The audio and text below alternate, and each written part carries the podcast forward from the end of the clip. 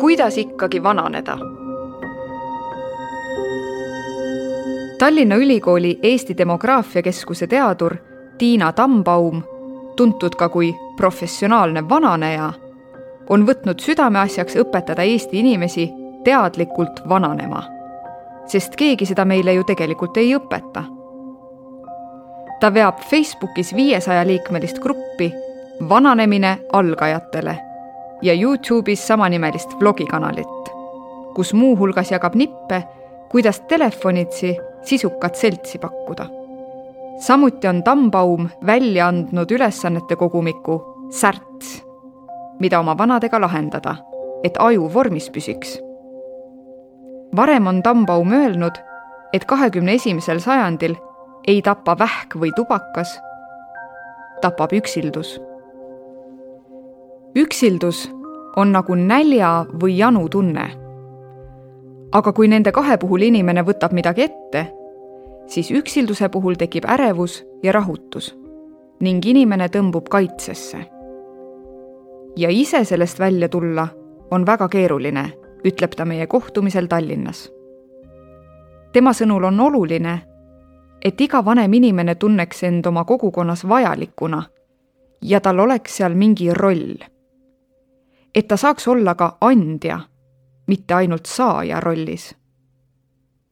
näiteks on hooldekodude elanikud keskmiselt üheksakümmend kaheksa protsenti ajast saaja ja ainult kaks protsenti andja rollis. Tambaum on uurinud ka vanu Eesti mehi ja on selgunud, et suurem oht üksildusse langeda on just meestel, sest nad on elus enam tööle keskendunud pensionile jäämisel kuivab suhtlusringkond kokku.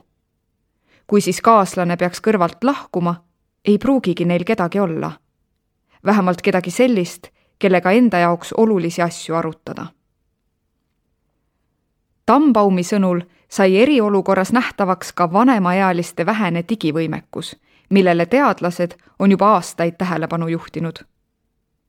paljud ei teadvusta endale, et nad on samuti osa oma lähedase vananemisprotsessist, ütleb ta. näiteks ütleb vanem inimene, et arvuti ei ole tema jaoks. see teeb teda närviliseks ja ta ei taha sellega midagi tegemist teha. väga lihtne on siis nõustuda ja öelda, kui nii, siis nii. tegelikult võiks püüda ikkagi veenda, et ta saavutaks oskuse seal elementaarseidki asju teha elu on paratamatult üha rohkem internetti kolinud ja sealt eemale jäämine süvendab üksildust. seenioride arvutiõppe konsultant Karl Gustav Adamsoo lõi koroonaisolatsiooni ajal Facebookis eakate nutiabigrupi ning veab nüüd ka prillidoosi nutiabi rubriiki. ta on uurinud eakate digipädevuse teemat ja suhelnud paljude vanemate inimestega. üksilduse probleem on suur ja koroona on seda muidugi veelgi süvendanud. Noored on jäänud vanade kaitseks veel rohkem kõrvale, ütleb ta. videokõne on üks võimalus, mis aitab üksildust sellel raskel ajal leevendada. ent sellest haaravad kinni vähesed vanemaealised.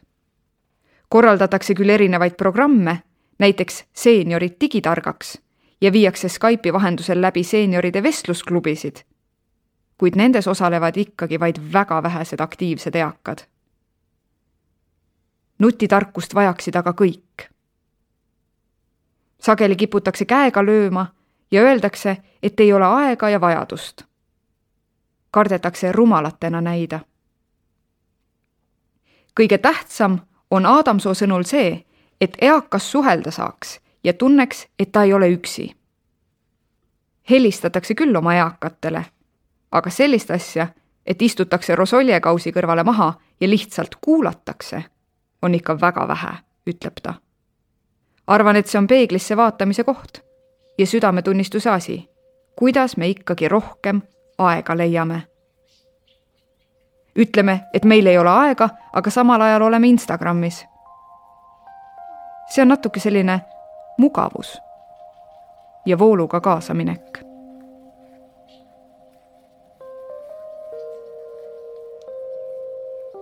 Tallinna elanik, mees, seitsekümmend kaks.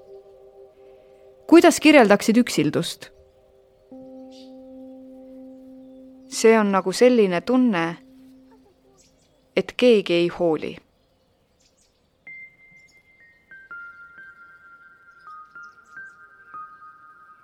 idee eksperdilt üksilduse vastu võitlemiseks Rõuge valla hooldekodud kutsusid kevadel ja sügisel inimesi üles saatma oma eakatele lähedastele kirju, pilte ja tervitusi. USA tudengi Jacob Krameri kahe tuhande kolmeteistkümnendal aastal loodud algatus Love for our elders kutsub saatma eakate keskustele käsitsi kirjutatud kirju üle kogu maailma. seda eriti praegu, kui vanade üksilduse vastu võitlemine on rohkem päevakorral kui kunagi varem Rõuge üleskutse siiski kuigi populaarseks ei osutunud, kuid kirjade kirjutamist võiks tulevikus kaaluda